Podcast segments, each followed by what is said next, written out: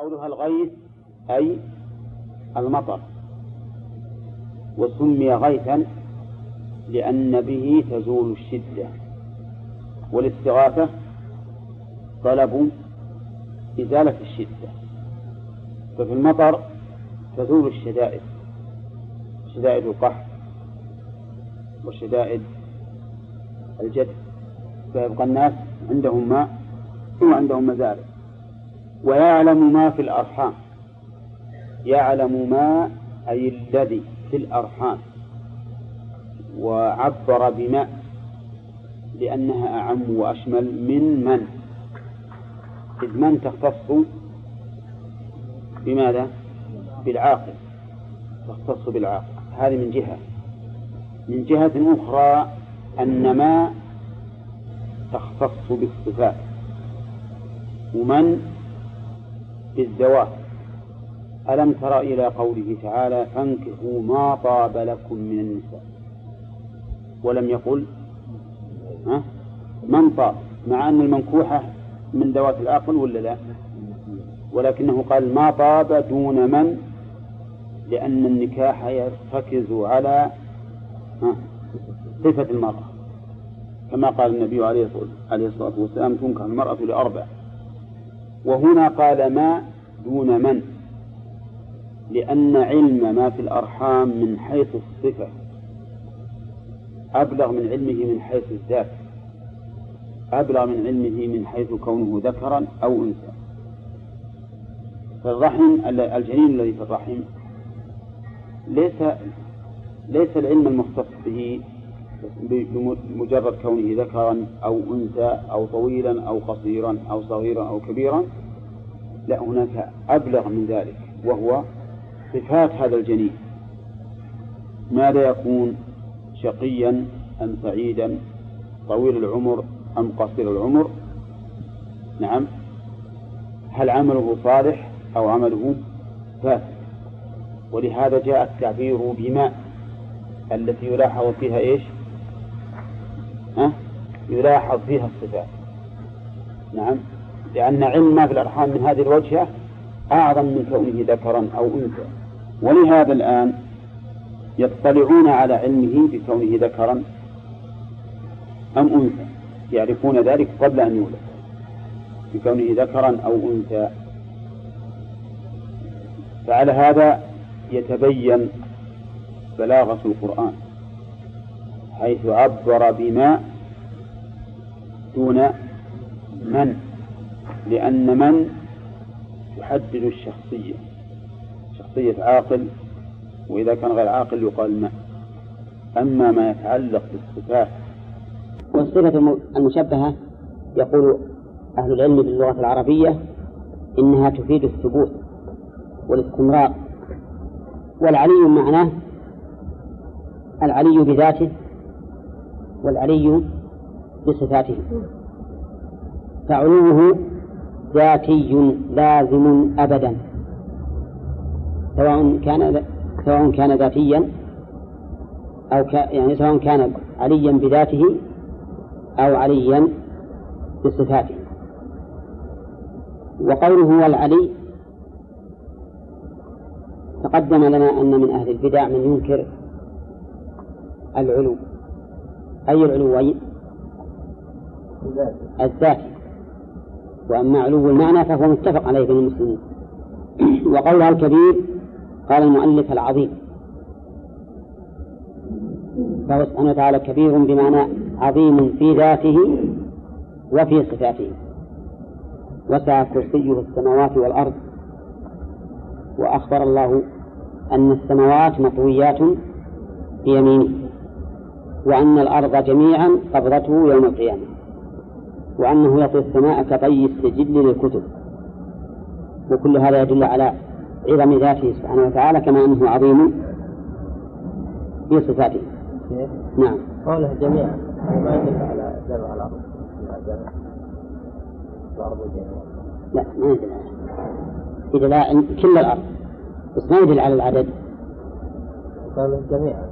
الكلاب جميعا بما فيها الأشجار مثل ما ورد في الحديث يجعل الشجر على أصبع والثرى على أصبع ولا. نعم. قال ألم تر أن الله يولج ألم تر؟ آه.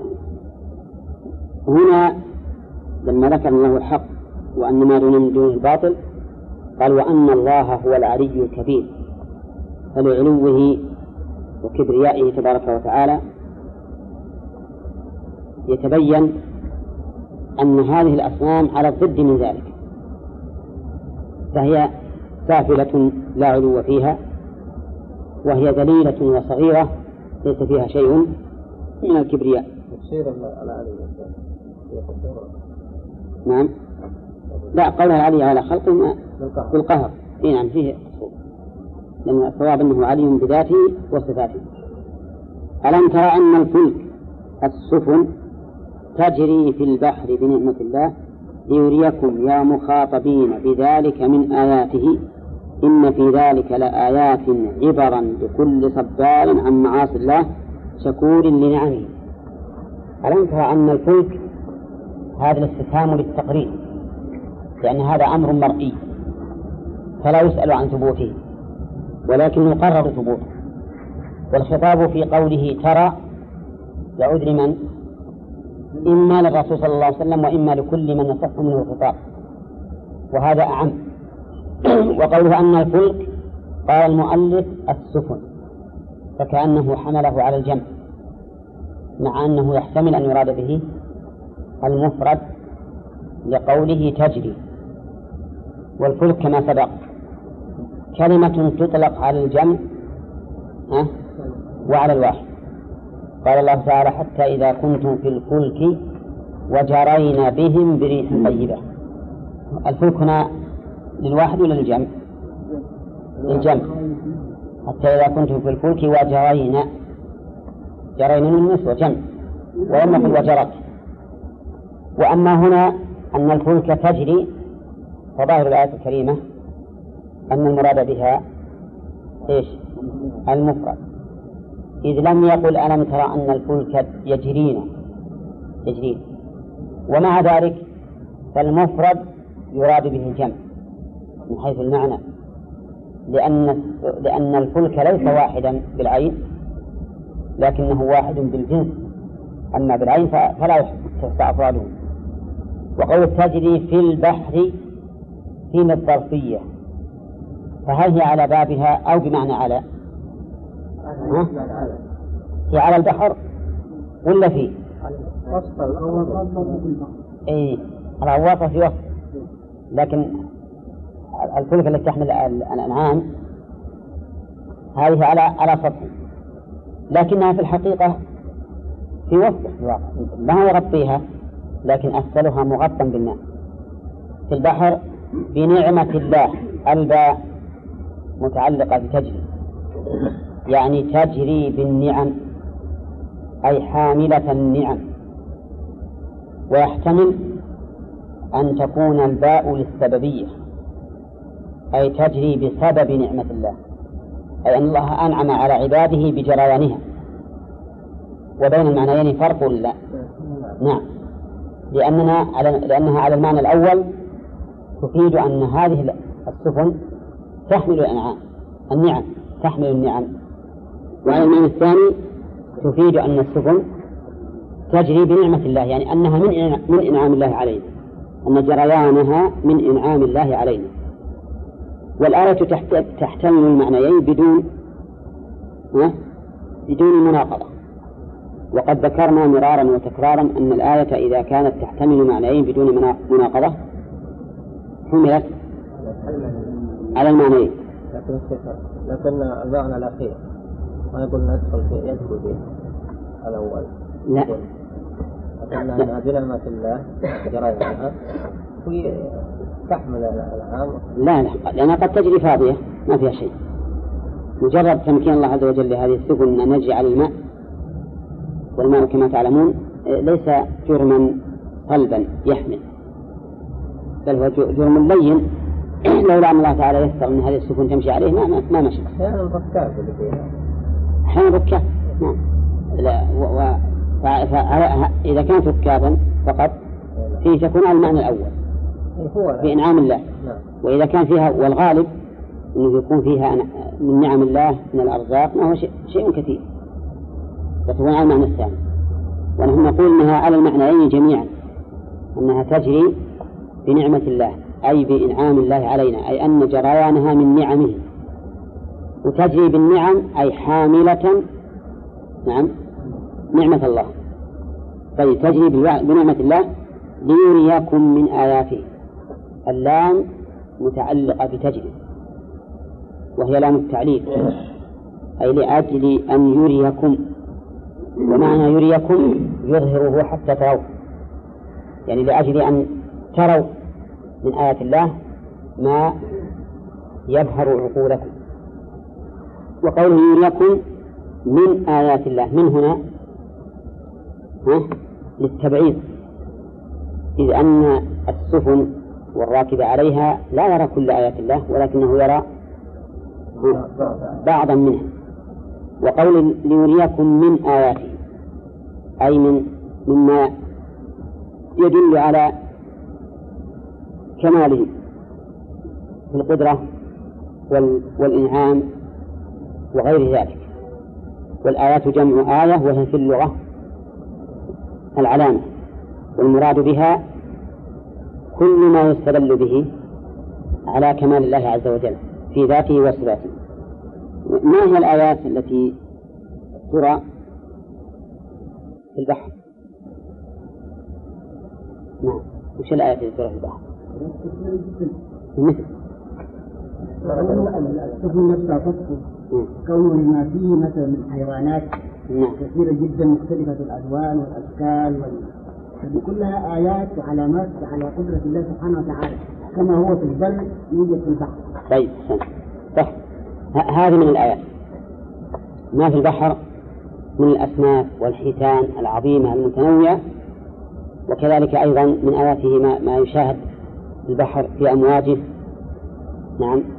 وشدتها وخفتها وكذلك أيضا ما يشاهد من البحر من الأبخرة التي تصاعد وتتكون سحابا بإذن الله عز وجل. المهم أن أن هذه الآيات العظيمة أيضا هي ليست كل كل الآيات ولكنها من آيات الله بعض آياته إن في ذلك لآيات لكل صبار شكور. إن في ذلك المشار إليه. ما ذكر في البحر من جريان السفن بنعم الله وما يشاهد في البحر من الآيات الله. لآيات أي لعلامات كثيرة. وآيات هذه اسم إن مؤخرا. وفي ذلك جار ومجرور خبرها مقدما. يقول المؤلف لآيات عبرا.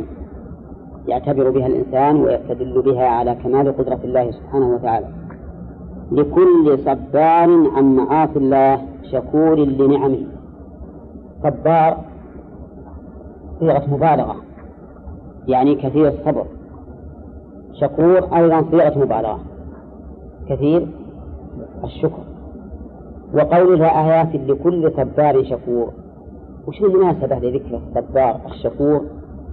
بعد ذكر ما بعد ذكر أن الفلك تجري في البحر بنعمة الله.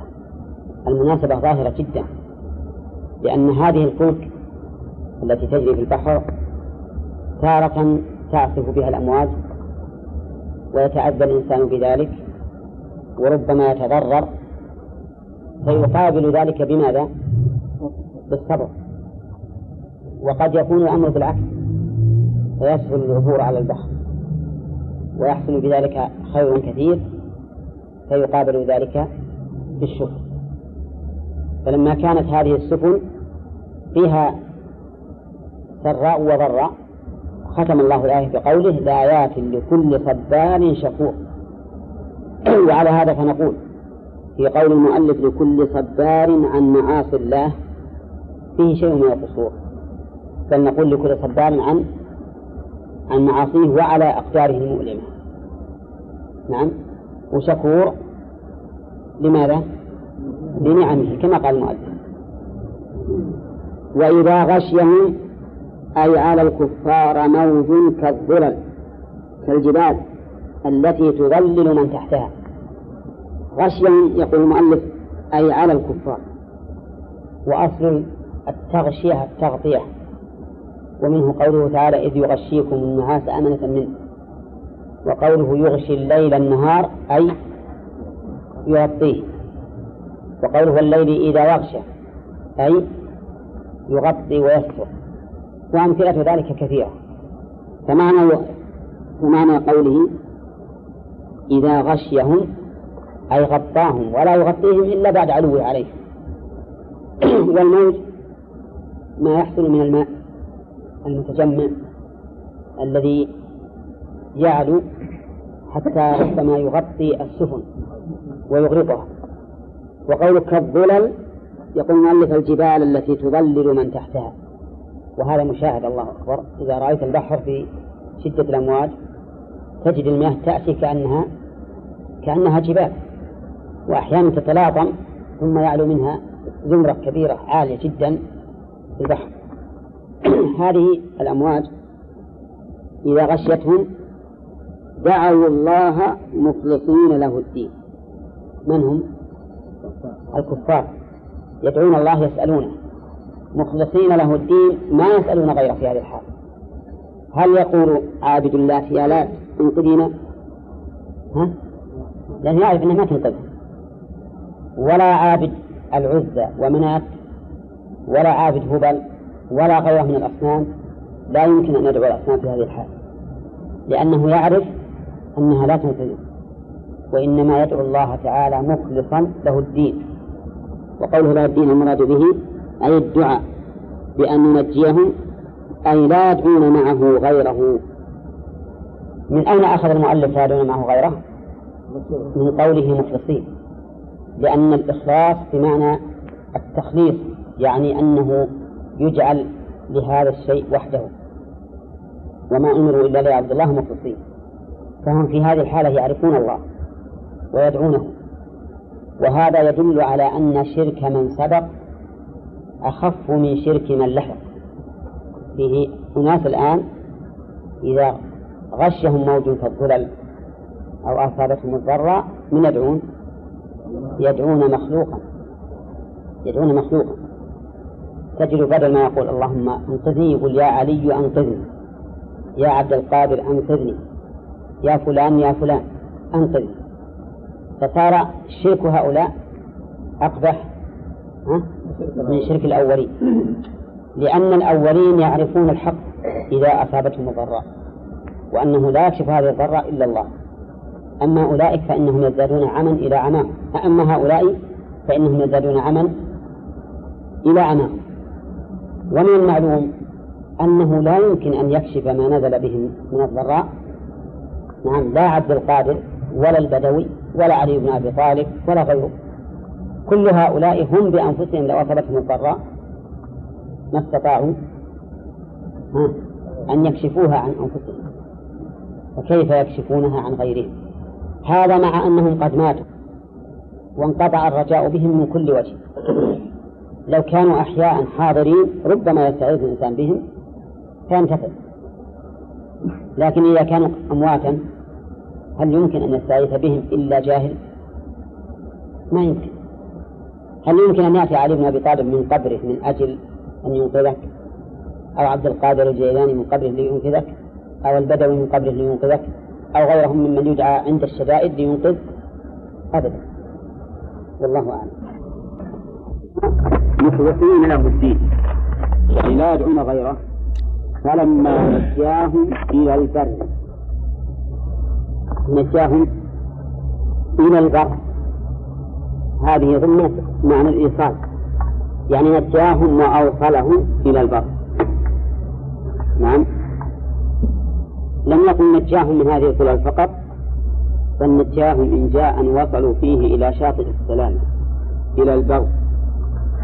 والبر هنا ضد البحر فيشمل ما لو نجاهم إلى بلد فإن البلد في هذا في هذه الآية من البر لما نجاهم إلى البر أين جواب لما؟ لأن لما هنا شرطية لما شرطية ها؟ الجواب فمنهم مقتصد يعني ومنهم غير مقتصد فالجواب إذا محذوف دل عليه قوله فمنهم مقتصد. أي فلما نجاهم من البر انقسموا قسمين. فمنهم مقتصد ومنهم كافر. ولما لها عدة معاني. تأتي شرطية وتأتي جازمة نافية وتأتي بمعنى إلا. وتأتي بمعنى حين. ظرف هذه أربعة معاني فتأتي شرطية كما في هذه الآية. ومثل فلما عتوا عما نهوا عنه قلنا لهم كونوا قردة. فلما عتوا قلنا لهم كونوا قردة. وتأتي بمعنى إلا كما في قوله تعالى إن كل نفس إن كل نفس لما عليها حافظ. أي إلا عليها حافظ. وتأتي جازمة نافية. كقوله تعالى بل لما يذوقوا عذابي. بل لما يذوقوا عذابي. أي بل ها؟ لم يذوقوا عذابي. وتأتي بظرفا بمعنى حين. تقول زرتك لما سمعت بقدومك. زرتك لما سمعت بقدومك أي حين سمعت بقدومك. طيب فلما نجاهم إلى البر انقسموا إلى قسمين. هذا جواب محذوف. فمنه مقتصد. هذه من للتبعيض. يعني فبعضهم مقتصد. قال متوسط بين الكفر والإيمان ومنهم باق على كفره. هذا التقسيم الثاني. ومنهم مقتصد أي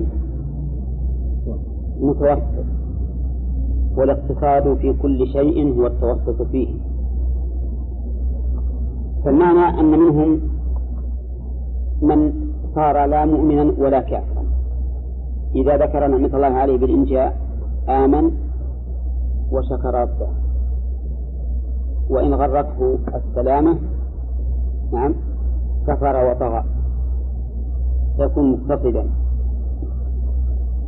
ومنهم المقابل ها؟ وش؟ كافر. ومنهم كافر. الدليل أن المراد بالمقابل هنا كافر قول وما يجحد بآياتنا إلا كل ختان كفور. وإلا فقد يقول قائل من الذي يدلكم على أن المقابل هو الكافر؟ ألا يمكن أن يكون المقابل هو المؤمن؟ كما في قوله فمنهم مقتصد ومنهم سابق بالخيرات بإذن الله. قلنا هذا ممكن لكن قوله وما يجحد بآياتنا إلا كل ختار كفور. يدل على أن المقابل للمقتصد من؟ الكافر. قال وما يجحد بآياتنا الجحد بمعنى النفي والكتمان. وقد يضمن معنى التكذيب كما هنا. فإنه ضمن معنى التكذيب. لأن الجحد الذي بمعنى الكتمان يتعدى بنفسه فيقال جحده أي كتمه. لكن هنا ضمن معنى التكذيب ولذلك تعدى بالباء فقيل وما يجحد بآياته أي ما يكذب بها نعم. ومنها الإنجاء من الموت إلا كل ختار غدار كفور بنعم الله. أعوذ بالله. ما يجحد بآيات الله عز وجل وينكرها ويكذب بها؟ والمراد والمراد بالآيات هنا ما يدل على نعمه. كل ما يدل ما يدل على نعمه وتوحيده. من الآيات الشرعية والآيات الكونية ما يجحد بها ويكذب إلا من جمع هذين الوصفين. الخطر وهو الغدر. والثاني الكفر وهو الاستكبار. فإذا قال قائل كيف كيف الغدر هنا؟ قلنا لأن كل إنسان قد عاهد ربه. قال ألست بربكم؟ وإذا أخذ ربك من بني آدم من ظهورهم ذريتهم وأشهدهم على أنفسهم ألست بربكم؟ ها؟ قالوا بلى. وقال تعالى وأوفوا بعهدي أوفي أوفي بعهدكم. كل إنسان قد عاهد ربه بمقتضى فطرته أن يؤمن به. فإذا كفر صار غادرا ولا لا؟ صار غادرا. لم يفي بالعهد. إلا كل ختار كفور لنعم الله. ثم قال تعالى يا أيها الناس أي أهل مكة. أنه ما دام هو الرب فهو الخالق. هو ما دام هو الخالق فيجب أن يكون هو الذي يتقى. فكأنه كأنه يعلل الأمر بالتقوى. اتقوا ربكم لأنه ربكم الذي أوجدكم وأعدكم وأمدكم. فهنا إيجاد وإعداد وإمداد. أوجد الله الناس وأعدهم هيأهم لما ينبغي أن يكونوا عليه. والثالث أمدهم أمدهم بالعقول وأمدهم بالرسل التي جاءت بشريعة الله. اتقوا ربكم واخشوا يوما لا يجزي لا يغني. والد عن ولده فيه شيئا. نعم. اخشوا يوما الخشية تقدم لنا أنها أخص من الخوف. لأنها تكون مع مع العلم مع العلم بحال المخشي. لقوله تعالى إنما يخشى الله من عباده العلماء. ولأنها تكون من قوة المخشي. سببها قوة المخشي وأما الخوف فسببه ضعف الخائف. هذا هو الغالب. فالخشية أخص يعني اخشوا هذا اليوم العظيم الذي صفته كيت وكيت وقد بين الله عز وجل. يوما لا يجزي فيه لا يجزي والد عن ولده فيه شيئا. ومعنى يجزي يغني. فلا أحد يستطيع أن يدفع عن أولاده شر ذلك اليوم أبدا. مع أنه في الدنيا يغني عنهم ولا ولا لا؟ يغني ويدافع. ربما يلقي بنفسه التهلكة من أجل حياة أولاده. لكن في الآخرة ما فيها. بل إنه يفر المرء من أخيه وأمه وأبيه. وصاحبته وبنيه. يفر منهم خشية أن يتعلقوا به بتقصير حق قصر فيه نحوهم نعم. فإذا نفخ في الصور فلا أنساب بينهم يومئذ ولا يتساءلون. ما حد يسأل عن أحد. كل يقول نفسي نفسي لأن الأمر عظيم. الجبال تندك حتى تكون كثيبا مهيلا ثم بعد ذلك تكون كالعهن المنفوش ثم تتضاير وتكون هباء منثورا. هباء يطير في الجو. فالأمر أعظم من أن يغني أو أن يجزي والد عن ولده شيئا. وكلمة والد نكرة في سياق النفي. يشمل الأب والجد والأم والجدة وإن علوا. عن ولده أي الذكر. أي الذكر والأنثى. لأن الولد يطلق على الذكر والأنثى في اللغة العربية. يوصيكم الله في أولادكم؟ للذكر مثل حظ الأنثيين. ولد عن ولده ولا مولود هو جاز عن والده شيئا.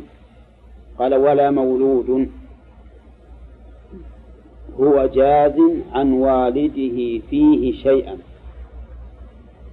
قوله مولود يجوز أن تكون مبتدأ. وهو جاز الجملة هذه خبر مبتدأ. يعني مولود مبتدأ. وجاز وهو مبتدأ ثاني. وجاز خبر مبتدأ الثاني. والجملة من المبتدأ الثاني وخبر في محل رفع خبر مبتدأ الأول. وسوغ الابتداء بالنكرة في قوله ولا مولود. سوغ الابتداء بها أنها واردة في مقام التقسيم. ويجوز أن يكون قوله ولا مولود معطوف معطوفا على قوله ها؟ والد. يعني ولا, ولا يجزي مولود. لكن على هذا التقدير يشكل معنى قوله هو جاز عن والده شيئا. يسلمنا ولا يجزي مولود هو جاز عن والده شيئا. فقد يظن ظان أن في هذه العبارة ركاكة. والأمر ليس كذلك. يكون معنى قوله ولا يجزي مولود هو جاز يعني لا يجزي مولود هو في الكفاءة محل لأن يجزي عن والده. يكون هو جاز بيان لصفته وأنه أهل لأن يجزي عن ولده عن والده شيئا ولكنه ولكنه لا يجزي ولكنه لا يجزي. وعلى هذا فيكون فيكون النظم غير مختلف. نظم الآية غير مختلف. لأن المنفي هو الفعل في الجملة الأولى وهي لا يجزي والد وفي الجملة الثانية وهي ولا ولا مولود. لأن التقدير ولا يجزي مولود. لكن يكون قوله هو جاز عن والده شيئا يكون فيها بيان أن هذا المولود أهل لأن يجزي. بخلاف نعم. أهل لأن يجزي. فإذا قال قائل لماذا لم يقيد الوالد بهذا القيد أيضا؟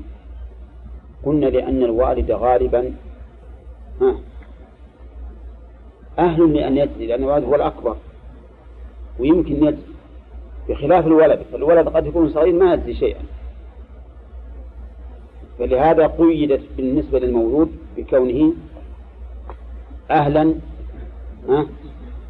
لأن يجزي أهل لأن يجزي إذا في قوله ولا مولود وجهان في الإعراب أحدهما يا عيسى ها؟ ترى المدرس كان بالأول ينقل له ها؟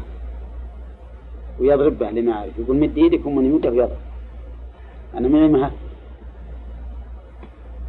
اكتبوا مولود هذا في في إعرابه وجهان إي نعم. وجه مولود نعم. هو مبتدأ نعم. مبتدأ طيب. هو مبتدأ ثاني. وجاز خبر المبتدأ آه، الثاني نعم. خبر المبتدأ الثاني. والجملة؟ والجملة من المبتدأ الثاني وخبره في محل خبر المبتدأ. في محل رفع رفع خبر المبتدأ الأول. الأول. طيب هذا هذا وجه. وجه ثاني نعم. أن الجملة الأخيرة معطوفة على لا أن مولود معطوف على على والد. على والد. وجملة هو جاز صفة لمولود. نعم. جملة هو جاز صفة لمولود. نعم. على الوجه الأول لا إشكال في في المعنى. لا إشكال في المعنى. لكن فيه إشكال في تغيير النظم يعني في تغيير الأسلوب. حيث أتى بالنسبة للوالد بالفعل وأتى بالنسبة للمولود بالجملة الاسمية. والجواب على هذا أن يقال إنه أتى للمولود بالجملة الاسمية لئلا يطمع أحد من المسلمين الذين كانوا قد أسلموا في كفاية في كفايتهم عن آبائهم شيئا. أي لئلا يطمع المولود المسلم ها في الإغناء عن أبيه الكافر. أتى بالجملة الاسمية الدالة على الثبوت والاستمرار. طيب الوجه الثاني قلنا إنه معطوف على والد. وعلى هذا الوجه يرد إشكال في قوله هو جاز عن والده شيئا. إذ أن المعنى يكون ولا ولا يجزي مولود هو جاز عن والده شيئا.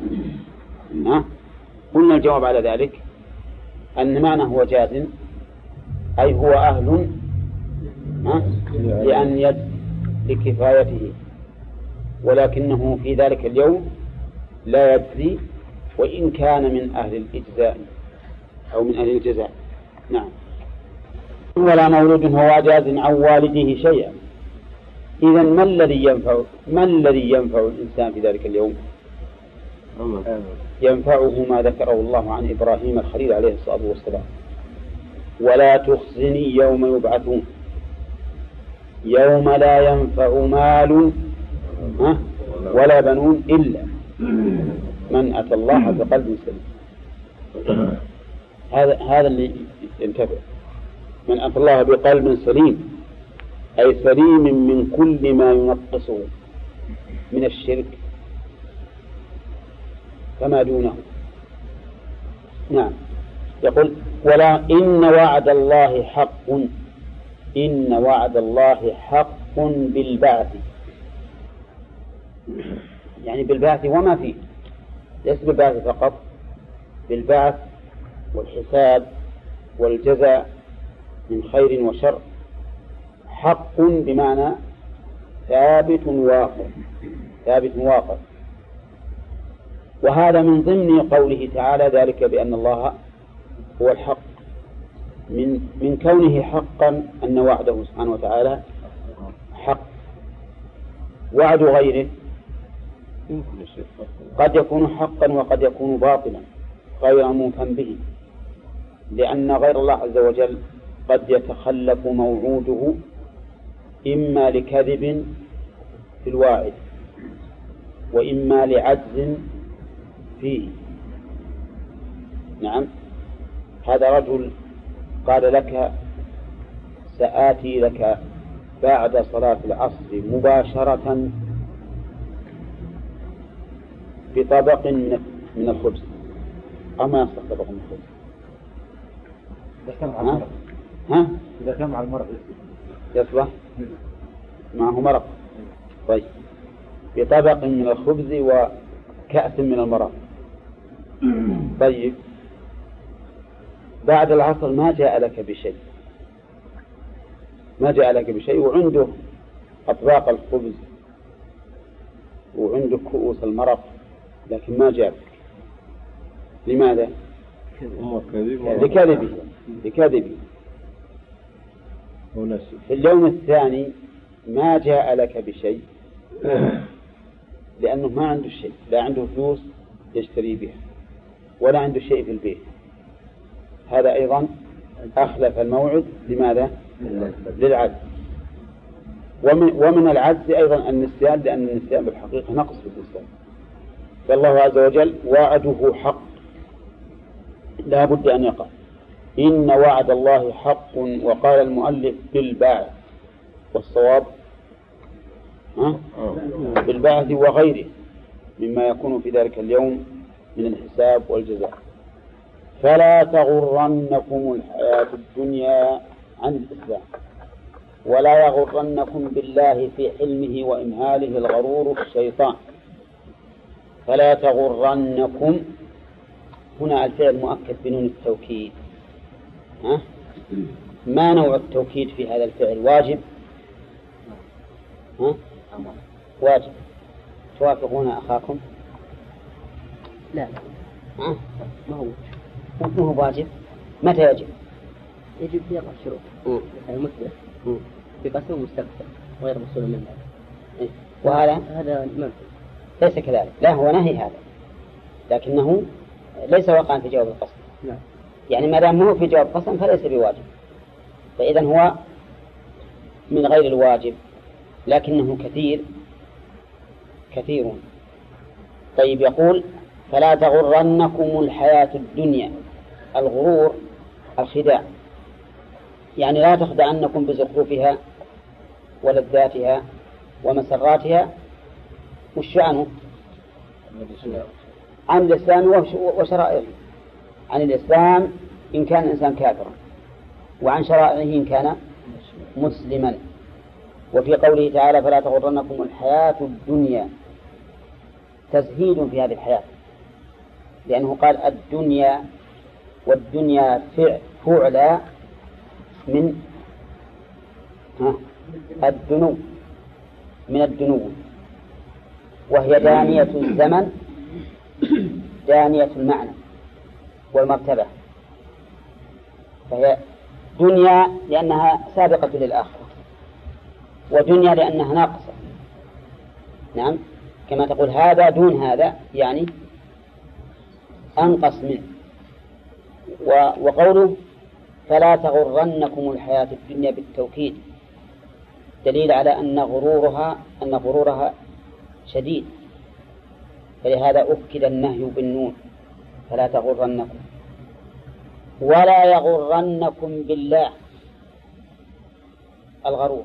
قال المؤلف بالله أي حلمه وإمهاله. يعني لا يغرنكم بالله. الأمر كما قال المؤلف. يعني بإمهاله وحلمه. والغرور هذه صفة مشبهة. ويراد بها إيش؟ الشيطان. كما قال تعالى يعدهم ويمنيهم وما يعدهم الشيطان ها؟ إلا غرورا. والشيطان يغر الإنسان بالله عز وجل. يقول له لو أنك على باطل لعاقبك الله. هذه واحدة. أو يقول له إن رحمة الله واسعة.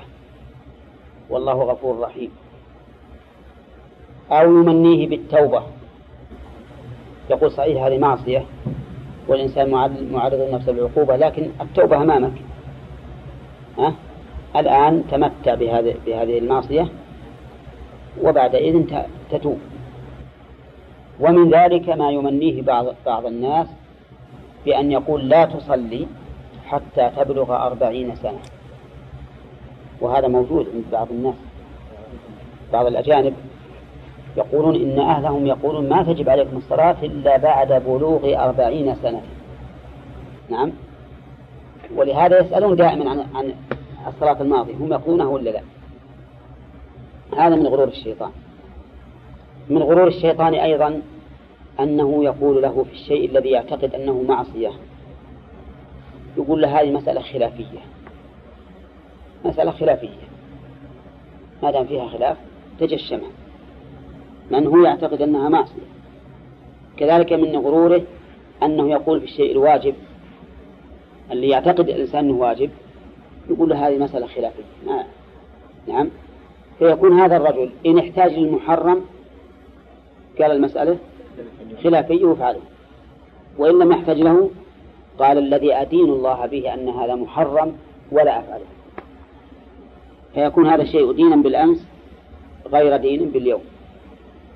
أو يقول مثلا إذا وافق أهل واجب والله هذا واجب. يجب علي أني أفعله. ما يجوز. المسلم ملتزم بأحكام الله. ولا صار له الشغل ذاك اليوم؟ يقول المسألة خلافية. مسألة خلافية والأمر سهل. ما دامت خلافية ما, ما هي مجزوم بها. مثال ذلك الصلاة في المساجد جماعة. هذه مسألة خلافية. أولى. صلاة الجماعة نفسها خلافية وكونها في المسجد خلافية أيضا. وهو يعتقد أن الصلاة في المساجد جماعة واجبة وأنه ما يجوز إنسان يترك الجماعة ولا يجوز أن يصليها جماعة في بيته. لكن إذا صار الشغل نعم وش يختار؟ المسألة خلافية. نبي نصلي بهذا يلا قوموا يا جماعة نصلي. وانتهى الشغل ولا عندها أحد قال المسألة خلافية صلاة الجماعة ها؟ ما دام إنها خلافية إحنا بصلي لحالي ولنقضي شغله فالحاصل هذا من غرور الشيطان. ومن غرور الشيطان أيضا أن يفتي للناس بشيء ويفتي لنفسه بشيء آخر. بنفسه يرخص لها ويسهل لها ولغيره يشدد. يشدد. فمثل هذه المسائل كلها من خداع الشيطان. والواجب أن يكون الإنسان على دين واحد على دين الله لنفسه ولغيره وفي جميع أحواله. طيب الخير في عكس يا شيخ في عكس الأخير وش؟ إذا كان يسهل للناس ويشدد على نفسه. إذا كان إذا كان يشدد على نفسه تربية لنفسه فلا بأس. ما دام يعتقد أن حكم الله هو التسهيل لكن يشدد على نفسه تورعا. وفي وله أصل من الدليل فلا بأس. المسألة خلافية. وهو يرى أن الأسهل أنها هو يعني هو يعني مثلا الآن بعض الناس يتورعون عن بعض المأكولات. نعم. هو بنفسه ما يأكل. نعم. لكن ما يقول للناس لا تأكلون لأن ما عنده دليل. نعم. أو يتورع مثلا عن عن, بعض الأطياب هو يتورع ما يبيها لكن ما يحرمها على الناس لأن ما فيها دليل. هذه أو مثلا يلزم نفسه بفعل شيء ما هو صريح الأدلة ما هي صريحة بالوجوب فهو ما يجب على الناس لكن هو ما يحب أنه يتأخر. هذا ما في بأس. ما في بأس. لأن ما في هوى ذا. المشكلة الهوى أنه يسهل على نفسه ويشد على الناس. لكن ما رأيكم لو قال أنا أبيح لنفسي فعل هذا لأني أضبط نفسي. ما أتجاوز الحلال. وأنهى الناس عنه لأنني لو رخصت لهم فيه. نعم. لتجاوزوا الحلال. فأنا أمنعهم لئلا يتجاوزوا الحلال وأما بالنسبة لنفسي فأنا ضابط النفس إني ما أتعدى الحلال. ولا بأس. نقول لا تقل حرام على الناس. لكن قل أخشى عليك أن تتجاوز وما أشبه ذلك. فيجبها الواقع. أما أنك تقول له حرام تروح تمنع هذا الرجل من هذا الشيء وأنت تتمتع به كما تشاء هذا ما ما يصلح. لكن قل له أنا أخشى عليك أن تتجاوز الحلال أو أن يقتدي بك من يتجاوز به. وما أشبه ذلك. حتى يتبين له الأمر أن حكم الله فيه الحلال ولكنه يخشى من أن أن يزيد الناس فيه. نعم. والله أعلم. حيث عبر بما دون من. لأن من تحدد الشخصية. شخصية عاقل وإذا كان غير عاقل يقال ما. أما ما يتعلق بالصفات والأعمال فهذه يعبر عنها ها؟ بما. وأنا ضربت لكم شاهدا في قوله تعالى فانكحوا ما طاب دون من طاب. ويعلم ما في الأرحام الأرحام جمع رحم وهو وعاء الجنين والجنين محاط بثلاثة جدران البطن والرحم والمشيمة. المشيمة هذا القمقم الذي في الجنين. وهذا القمقم سبحان الله العظيم مادة غريبة. لا هي مائية محضة ولا جامدة محضة ولكنها لزجة سهلة لأجل أن يتيسر حركة الجنين. نعم. الآن السيارات اللي فيها يايات وأظنكم تعرفون اليايات نعم. نعم. الآن السيارات اللي فيها يايات وأظنكم تعرفون اليايات نعم. تكون لينة لينة تتحرك بكل سهولة. هذا بإذن الله الذي في قمقم الجنين. هذا المادة الغريبة. اي ها؟ الجايات عبارة عن الشريط ها شريط ملون. إيش؟ الله أنا ما أعرف.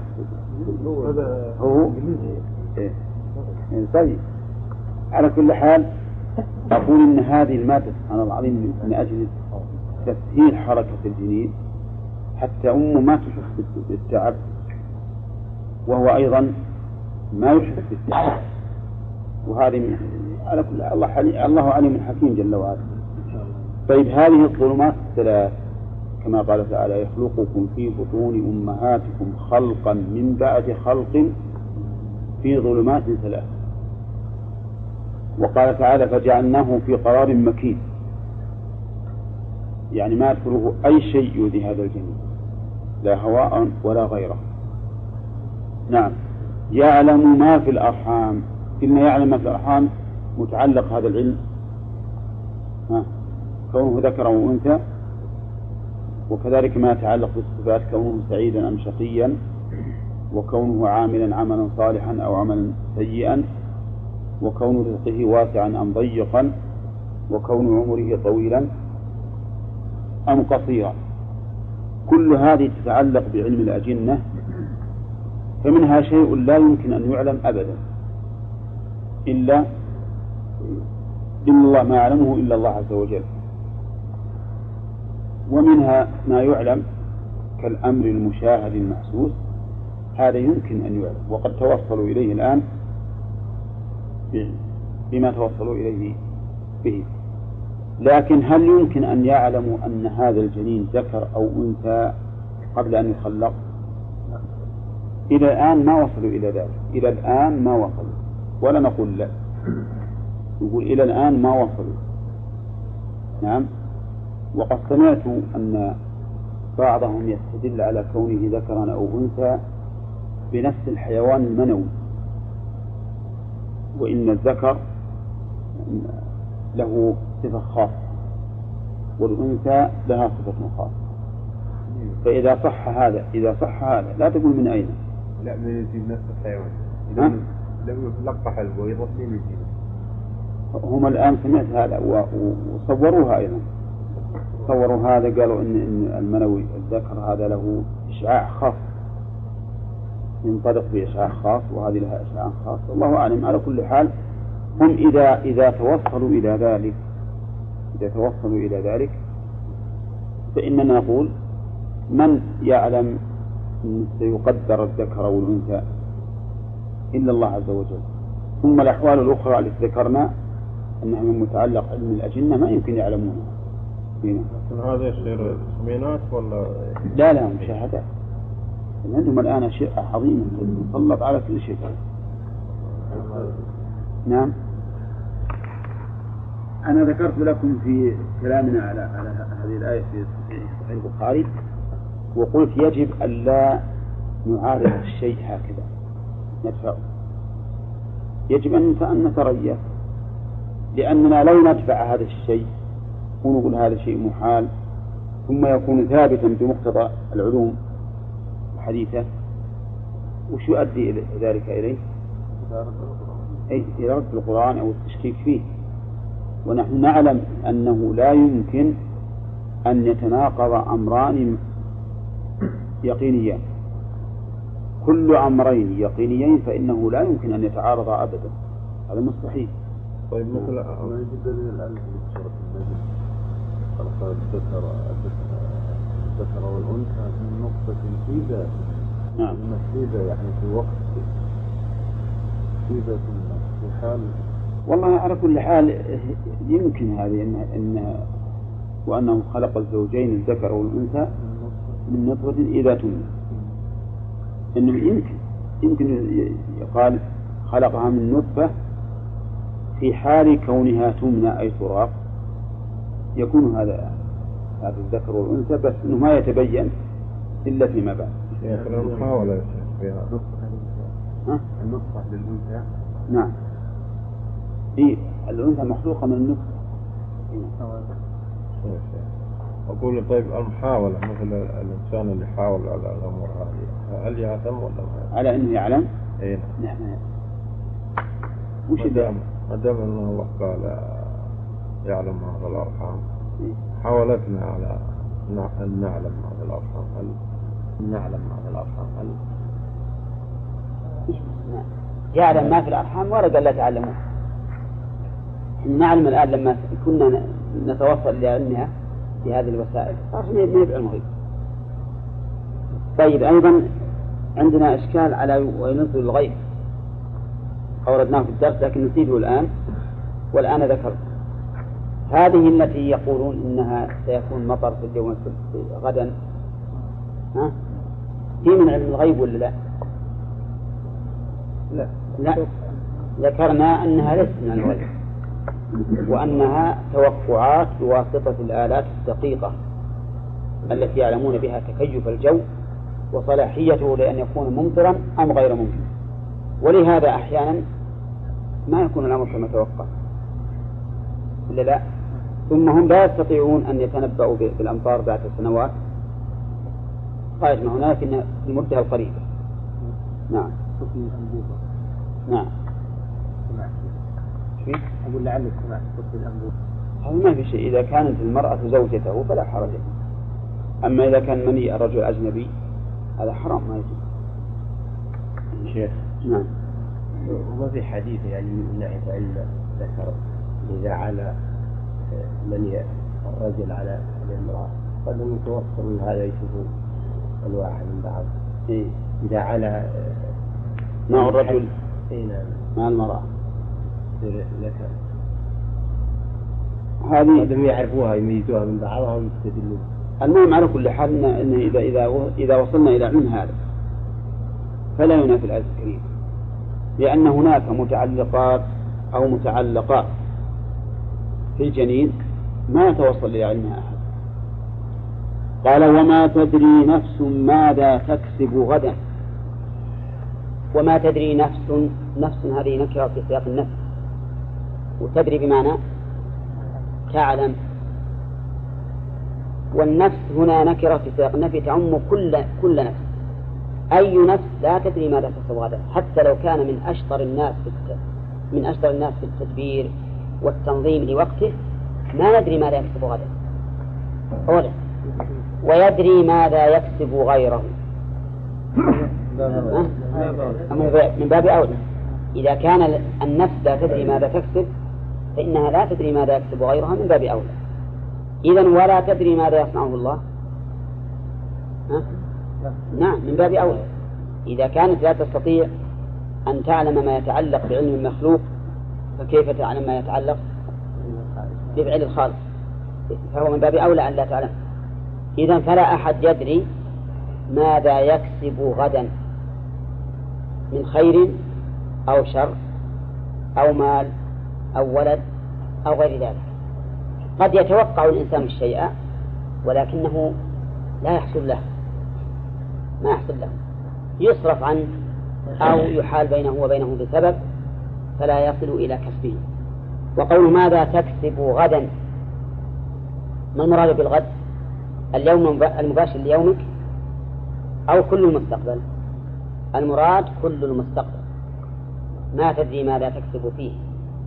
ولو كان بعيدا لقوله تعالى يا أيها الذين آمنوا اتقوا الله ولتنظر نفس ما قدمت لغد. يعني اليوم الأحد بعد يوم السبت؟ ها؟ لا ليوم القيامة.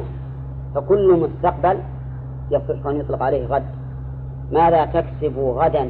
كلمة غدا منصوبة وهي مفعول لتكسب به أو له أو فيه أو معه. ها؟ فيه. مفعول مطلق. طيب. ما تقول هذا أنا رأيان أحدهما في المطلق والثاني مفعول فيه. فيه. مفعول فيه لأنها ظرف. يعني ماذا تكسب في غد؟ نعم. ألا ترى تسمعون إلى قول الشاعر؟ وأعلم علم اليوم ها؟ والأمس قبله ولكنني عن علم ما في غد. ما في غد. عمي. إذا فهي ظرف. وما ماذا تكسب غدا؟ وما تدري نفس بأي أرض تموت. نفس مثل ما قلنا في تدري الأولى في نفس الأولى نكرة في سياق النفي فتعم كل نفس. ما تدري بأي أرض تموت. هل هي بأرضها التي ولدت فيها أو بقريب منها أو ببعيد. ما تدري. ولا تدري بأي بأي زمن تموت. ها؟ بل من من باب أولى.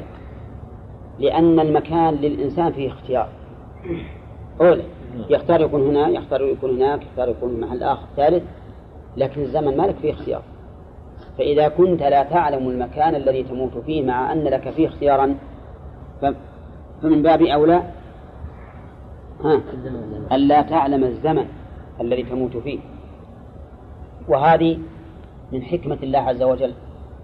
أن أخفى عن الإنسان اليوم الذي يعلم أنه يموت فيه.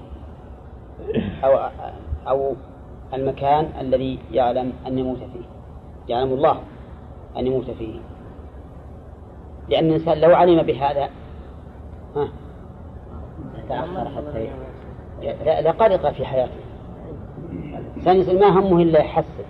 راح اليوم ما بقى مثل كذا وكذا من السنوات أو من الأشهر أو من الأيام. ها؟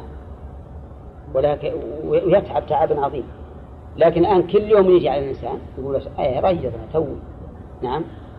وقد يكون الأجل أقرب من شراكنا عليه.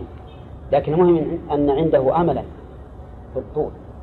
ولا يلتفت إلى هذه المسألة إطلاقا. لا يلتفت لأنه عارف أنه لا علم له فيها وأن علمها عند الله عز وجل. وهذه من رحمة الله عز وجل بنا. طيب هل الإنسان يقدر أنه يموت في الأرض الفلانية أو ما يقدر. نعم قد يقدر هذا. قد يقدر وأحيانا إذا قيل له ألا تسافر إلى قال أبدا. أنا بلدي في منها فيها أحيا وفيها أموت ولكن عند قرب أجله يسافر. يحصل له حاجة حتى يحمل إلى الأرض التي يموت فيها. وأنا أعرف رجلا ما خرج من بلده عنيزة أبدا منذ سنوات بعيدة. ولما مرض قدر أن أن يكون علاجه في مصر. وهو ما عمره خرج من عنيزة إلا أظن للحج مرة. ولا عنده نية. كبر كبر هو. انتهى عمره. لكن سبحان الله لما أراد أن أن ينقله الله إلى أرضه التي يموت فيها نقل إلى إلى مصر. ومات هناك. وأعرف ناس كثيرين نقلوا إلى إلى إلى أماكن بعيدة ما كانوا يحلمون بأنهم يذهبون إليها.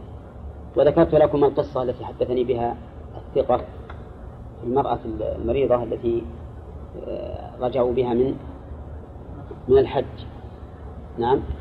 ولما كانوا في الريع الريع الجبال المحيطة بالحجاز ونزلوا ليلة من الليالي وأصبحوا حملوا إبلهم على أنهم يمشون. هذا الرجل كان معه أمه مريضة فأراد أن بقي ليوطئ لها المكان على الراحلة.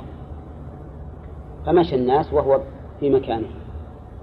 ولما أنهى ما أحب أن ينهيه من توطئة أمه وركبت مشى فضيعه. ما عرف أين ذهب. دخل معها كرير ويمشي ويمشي. ولا ولا يسمع حس ولا حوله أحد حتى يعني حتى وصل إلى خبع خبع صغير بدو.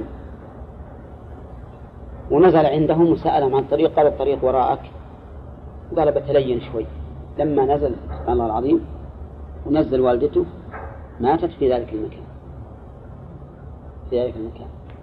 اللي ما كان هو ولا غيره يقدر أنه يأتي إليه. لكن من أجل أن تحمل هذه المرأة إلى أرض موتها حصل ما حصل من الأسباب. حصل ما حصل من الأسباب. وهكذا أيضا تجدون الحوادث الآن. الحوادث الإنسان في البلد. ما يقدر أنه سيموت في مكان ما من البر. نعم. ولكنه ينقل إلى المكان الذي يموت فيه حتى أنه يموت في المكان بالضبط على نفس حبات التراب التي قدر أن يموت فيها. وهذا أمر مشاهد في الزمن كذلك في الزمن كذلك ما يدري الإنسان متى متى يموت. ربما يتأخر لحظات من أجل أن يستكمل زمنه ومدته. وهذا له شواهد. منها أيضا ما قصصته عليكم ولعل بعضكم لم يحضر. هنا في عنيزة حصل أن رجلا آه، جاء في سيارته مع الطريق العام. وفيه شابان على دباب. قد أتيا من طريق آخر معترض. فلما قرب كل من نهاية الملاقاة نقطة الملاقاة وقف. ينتظر أن يعبر الآخر.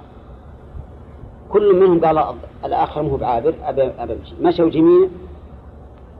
فصدمت السيارة المؤخر من الشابين اللي على الدباب ومات في الحال لماذا وقف هذه الوقفة؟ اللي هي لحظات. من أجل أن يستكمل الزمن المحدد. متى تقول. نعم. وينزل بالتخفيف والتشديد. ينزل وينزل وكلاهما جاء في القرآن. أنزل من السماء ماء أنزل من السماء ماء. هذه على قراءة إيش؟ تخفيف. قال وقال تعالى وينزل لكم من السماء رزقا. ينزل هذه على قراءة التشديد. طيب يقول ألغيث بوقت يعلمه. الشاهد قال المؤلف بوقت يعلمه. هذا هو الشاهد. يعني المؤلف بين أن المراد بتنزيل الغيث في الوقت الذي يعلمه ليكون هذا من علم الغيب ويعلم ما في الأرحام أذكر أم أنثى ولا يعلم واحدا من الثلاثة غير الله تعالى. نعم. يعلم ما في الأرحام اقتصاره على أذكر أم أنثى. فيه نظر. لأن علم ما في الأرحام ليس متعلق بالذكور والأنثى فقط. بل هو بل ما هو أعم. وقد سبق في التفسير الحكمة من التعبير. بما دون من؟ وقوله فلا يعلم واحدا من الثلاثة غير الله. نعم هذا قبل تكوينه ممكن. لكن بعد أن يتكون نعم بعد أن يتكون يعلمه غير الله. فهذا الملك يعلم أنه ذكر أم أنثى. وما تدري نفس ماذا تكسب غدا من خير أو شر ولكن اللي يعلمه الله ولهذا قال ويعلمه الله تعالى وما تدري نفس بأي أرض تموت ها؟ ويعلمه الله إن الله عليم بكل شيء خبير بباطنه كظاهره أيهما أخص الخبير أو العليم؟ ها؟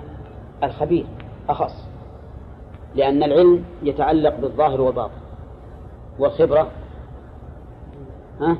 تتعلق بالباطن ولهذا قال خبير بباطنه كظاهره. لأن الخبير العليم بالباطن من باب أولى أن يكون عليما بالظاهر. ثم قال روى البخاري عن ابن عمر حديث مفاتح حديث مفاتح الغيب خمسة. إن الله عنده علم الساعة إلى آخر السورة. وينزل الغيث ويعلم ما في الأرحام وما تدري نفس ماذا تكسب غدا. وما تدري نفس بأي أرض تموت. وبينا في شرح صحيح البخاري وجه كونها مفاتح. فقلنا الساعة مفتاح إلى آخره. تنزيل الغيث مفتاح للحياة. حياة الأرض والنبات. ويعلم ما في الأرحام مفتاح.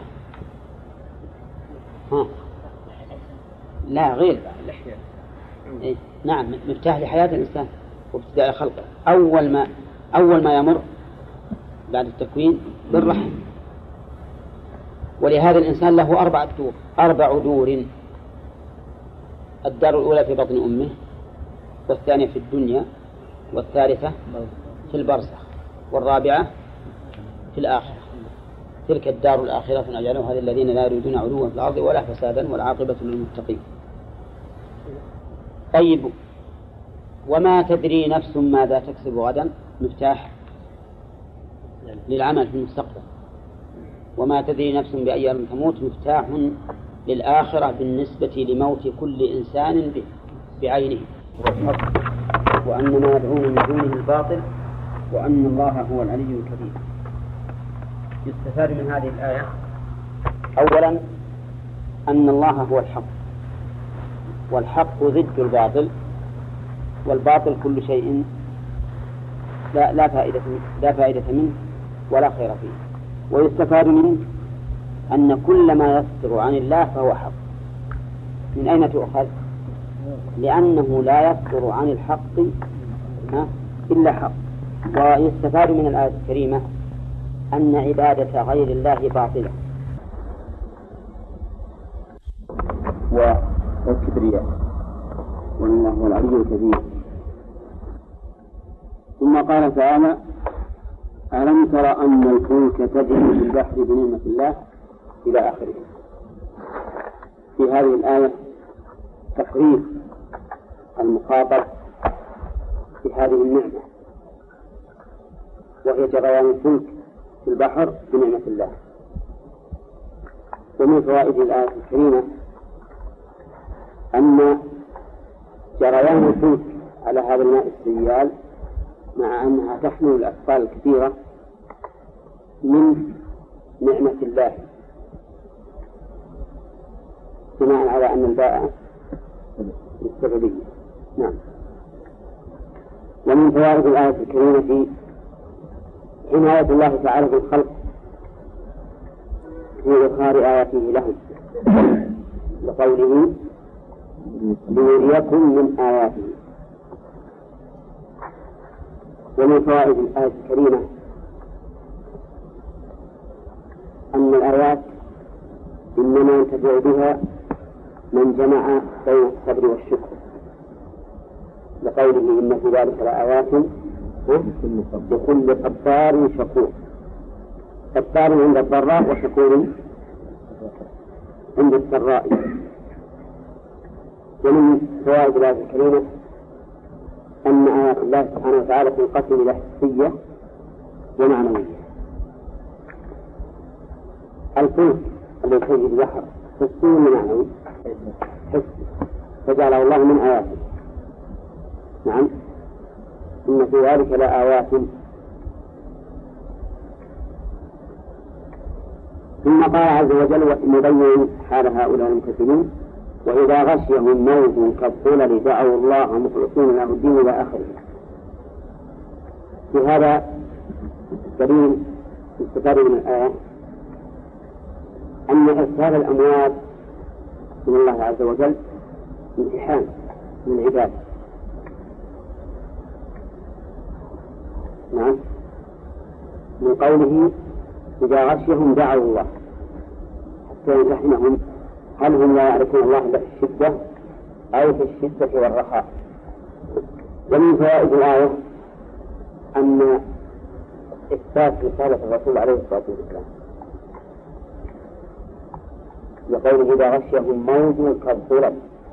الرسول عليه الصلاة والسلام ما ركب البحر حتى يعرف هذه الأمواج وأنها كالظلل ولكنه عليه الصلاة والسلام علم بها من خبر الله. إذا غشيهم موت كالظلل ولهذا قال بعض العلماء إن كون هذه الآية في كأن الرسول صلى الله عليه وسلم في وسط البحر وهذا الموج يغشى يدل على أنه رسول الله حقا. لأنه ما ما كان رسول البحر. ولا يقال إنه ربما أخبر بذلك لأن الله أبطل هذا بقوله. ولقد نعلم أنهم يقولون إنما يعلمه بشر لسان الذي يلحدون إليه آدميين وهذا لسان عربي مبين. ومن فوائد الآية الكريمة أن هؤلاء المشركين إذا وقعوا في الشدة نعم عرفوا الله. ويتفرع على ذلك أن معرفة الله في مثل هذه الحال لا تجزي ولهذا قال النبي عليه الصلاة والسلام تعرف إلى الله في الرخاء يعرفه الشدة ومن فوائد الآية الكريمة أن المشركين مقرون بالربوبية. لقوله دعوا الله. ولا يدعونه إلا وهم يعلمون أنه قادر على إنقاذه وإلا ما يمكن أن يدعو من لا يعتقدون أنه قادر. ومن فوائدها أن المشركين فيما سبق أحسن حالا من المشركين الآن. لأن المشركين الآن إذا أصابتهم الشدة من يدعون؟ يدعون آلهتهم. دون الله. يدعون الولي الفلاني والصحابي الفلاني وما أشبه ذلك. أما المشركون السابقون فإنما يدعون الله. ومن فوائد الآية الكريمة أن الله عز وجل يجيب دعاءهم مع علمه بأنهم سيكفرون. قوله. لقوله وما يجحد بآياتنا وهو يعلم ذلك سبحانه وتعالى. ومن فوائدها إجابة دعوة المضطر ولو كان كافرا. أولى لأن هؤلاء أجاب الله دعوتهم مع علمه بأنهم كفار وسيكفرون ويؤيد هذا عموم قوله تعالى أمن يجيب المضطر إذا دعاه. ولم يقل المؤمن بل قال المضطر عام. وكذلك أيضا المظلوم تستجاب دعوته ولو كان كافرا. لعموم قول الرسول عليه الصلاة والسلام لمعاذ بن جبل اتق دعوة المظلوم. فإنه ليس بينها وبين الله حجاب. ومن فوائد الآية الكريمة أن من نجا من نقمة من نقمة من النقم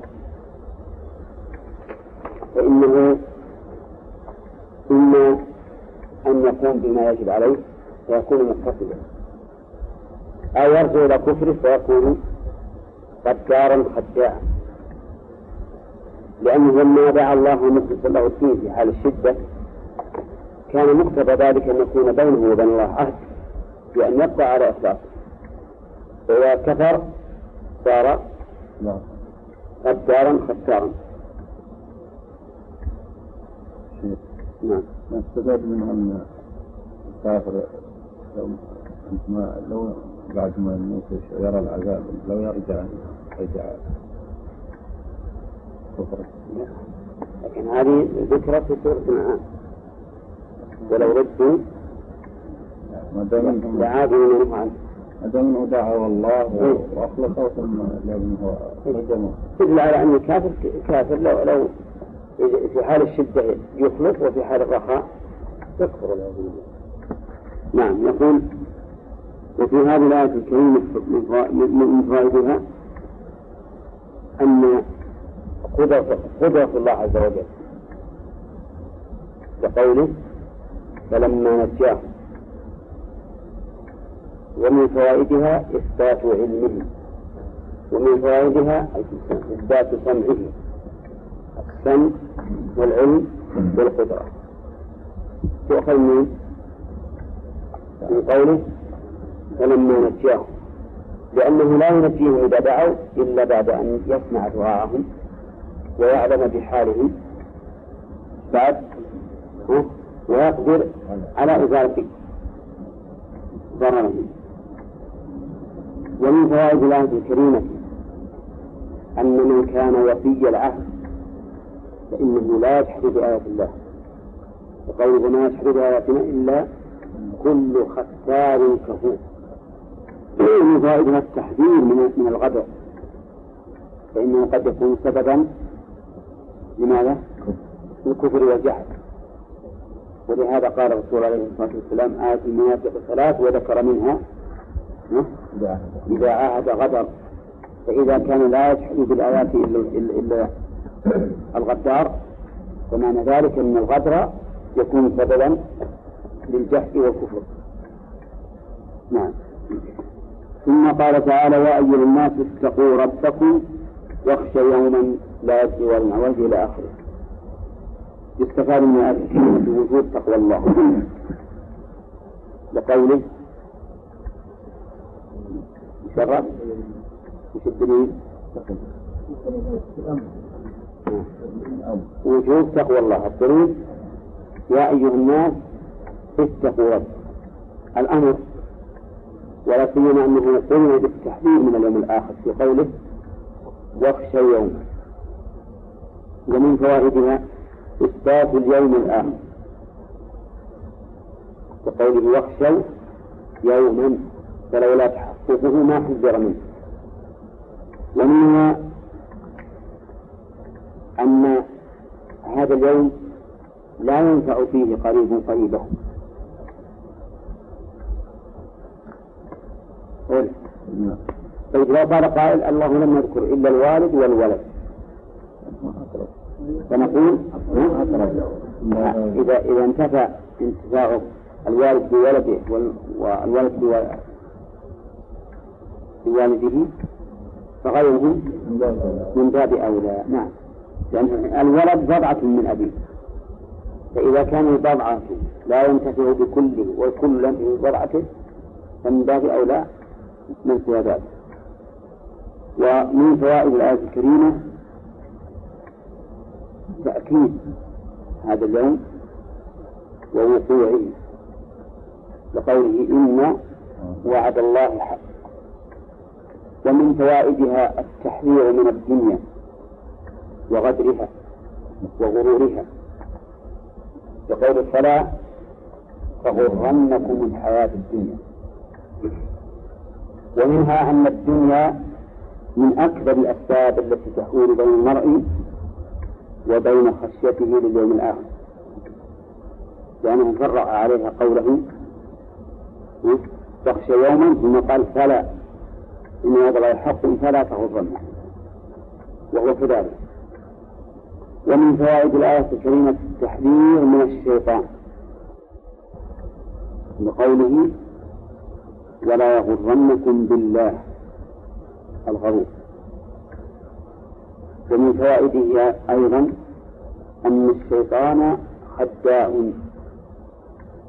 بقوله الغرور وهي إما صيغة مبالغة وإما صفة مشبهة وكلاهما يدل على الثبوت والكثرة.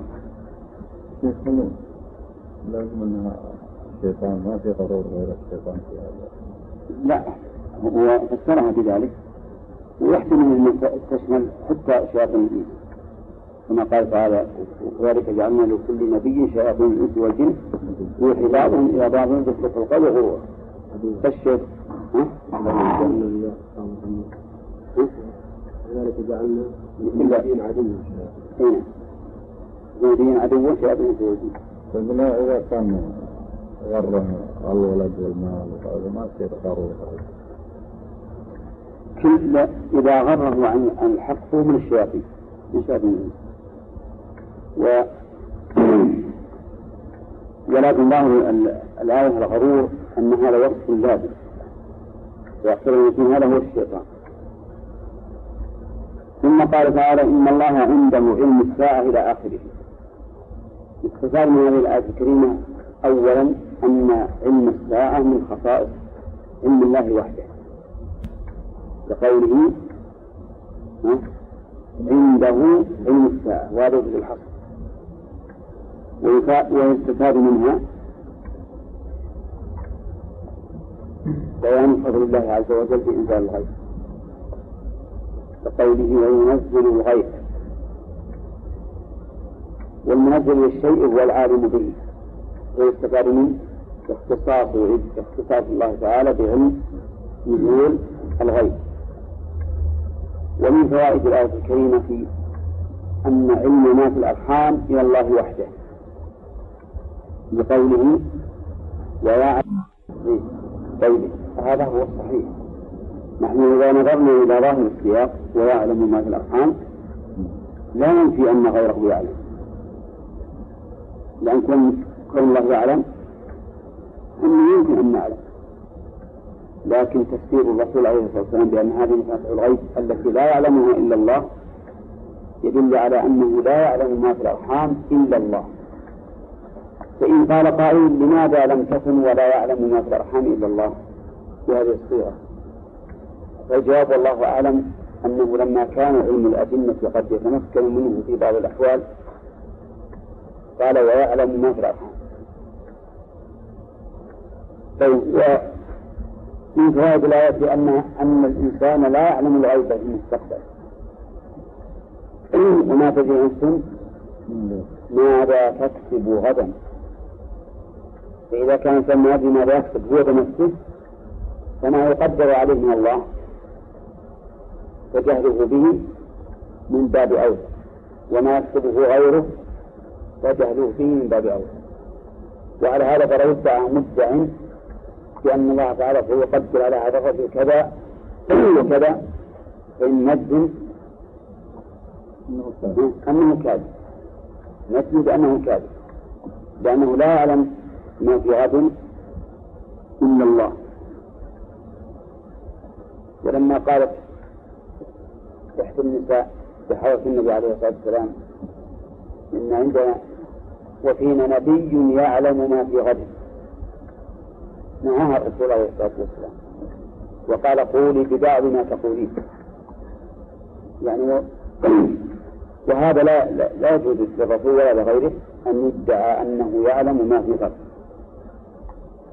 ومن فوائد الآية الكريمة أن الإنسان لا يدري بأي أرض يموت. لقوله وما تدري نفس بأي أرض تموت.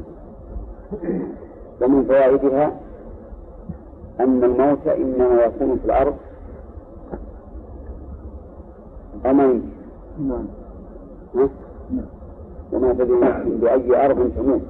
لا بد ها؟ لا بد أن يكون في الأرض. لا بد أن يكون في الأرض؟ قد يموت لكن المقر الأرض قد يموت بالطيارة فوق لا بد أن يكون أي. فلنرجع أي اللي في الطيارة ذك- ذكرنا فيما التفصيل إن اللي في الطيارة في الأرض. لكن هل يقال إنه ما يمكن أحد يموت فوق الجاذبية؟ ها؟ الفضاء في احتمال لكن ما هو ظاهر ينزل في أي أرض تموت قد يكون هذا مبني على الغالب مع أن لدينا آية في القرآن يقول الله تعالى فيها تحيون وفيها تموتون ومنها تخرجون فتقديم المأمول اللي هو الضرب فيها تحيون فيها تموتون منها تخرجون يدل على الحصر. وهذا هو الأصل. فإن تبين فيما بعد أن يموت أحد في الفضاء ولا يرجع إلى الأرض مثلا فإنه يكون هذا بناء على إيش؟ على الأغلب الكثير. ونحن إلى الآن ما سمعنا أن أحد مات في الفضاء. ما سمعنا أحد مات فوق الجاذبية بل حتى لو مات فالظاهر أنه لا بد أن نعم. روحه لا بد أن يرد. لا بد أن يرد. نعم. لا ما ما هو بمقدور الروح. نفس ما في نفس يغير تمام. ثم قال إن الله عليم خبير. نعم. ومن فوائد الآية الكريمة أنه لا يعلم أحد متى يموت. من أين تؤخذ؟ من أن جهلنا بمكان موتنا. ها؟ يستلزم جهلنا بزمان الموت. بل جهلنا بالزمان أولى. ومن فوائد الآية إثبات من أسماء الله وهما؟ العليم والخبير وما تضمناه من صفتي العلم والخبرة. ومن فوائد الآية الكريمة أن من ادعى علم شيء مما اختص الله بعلمه فهو كافر لأنه مكذب لله تعالى والتكذيب لله كفر. ثم ننتقل الآن للدرس الجديد بقوله سورة السجدة. سورة السجدة هذه مضافة إلى الإضافة هنا بيانية. الإضافة بيانية يعني السورة التي تذكر فيها السجدة والسجدة شاء الله تعالى في أثنائها. وهي مكية ثلاثون آية.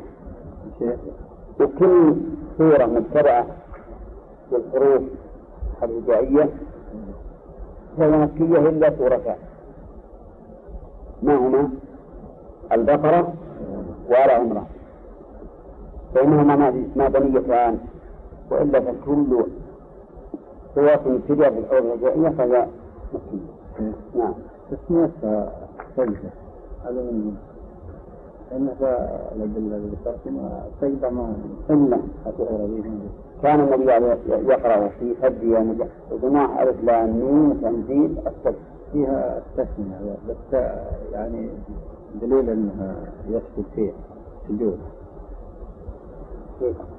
هذا أنها مستبعة أن يسجد فيها واحد فيها نفس السورة هذه. كيف السجد من كتبين إن شاء الله. في في نصف الأسبوع أنا خابر السجدة اللي فيه موجودة لكن الورقة اللي كتبت أنها فيها اللي فيها أدلة نعم نعم في نعم. السجود. نعم.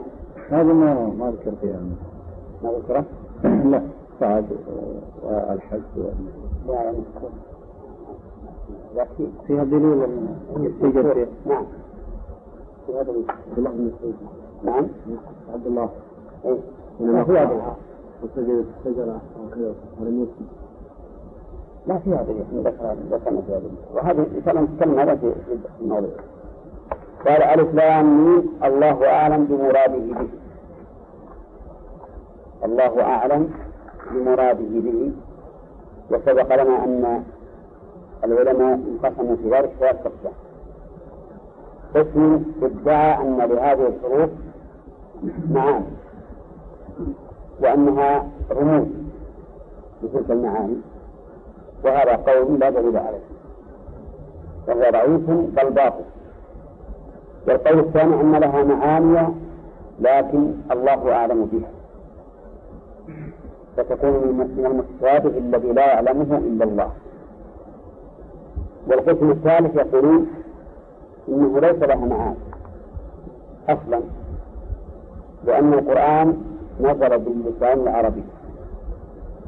واللسان العربي لا يرى لا, لا يكون لهذه الحروف فيه معاني أبدا. وهذا قول مجاهد وهو الصحيح أنه لا معاني لها فإن قال قائل كيف تجزمون بأنه لا معاني لها؟ والنفي يحتاج إلى حجة. قلنا نجزم بذلك لأن القرآن نزل بلسان عربي مبين.